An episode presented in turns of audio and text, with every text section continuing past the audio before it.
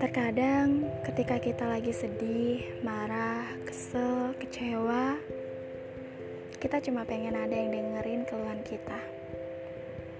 Tapi sayangnya, tidak setiap saat kita bisa cerita ke mereka, karena mungkin mereka juga punya masalah yang sama. Maka dari itu, saya pilih seduh sedan ini sebagai tempat saya untuk bercerita, dan benar-benar berharap juga bisa dapat didengarkan oleh kamu.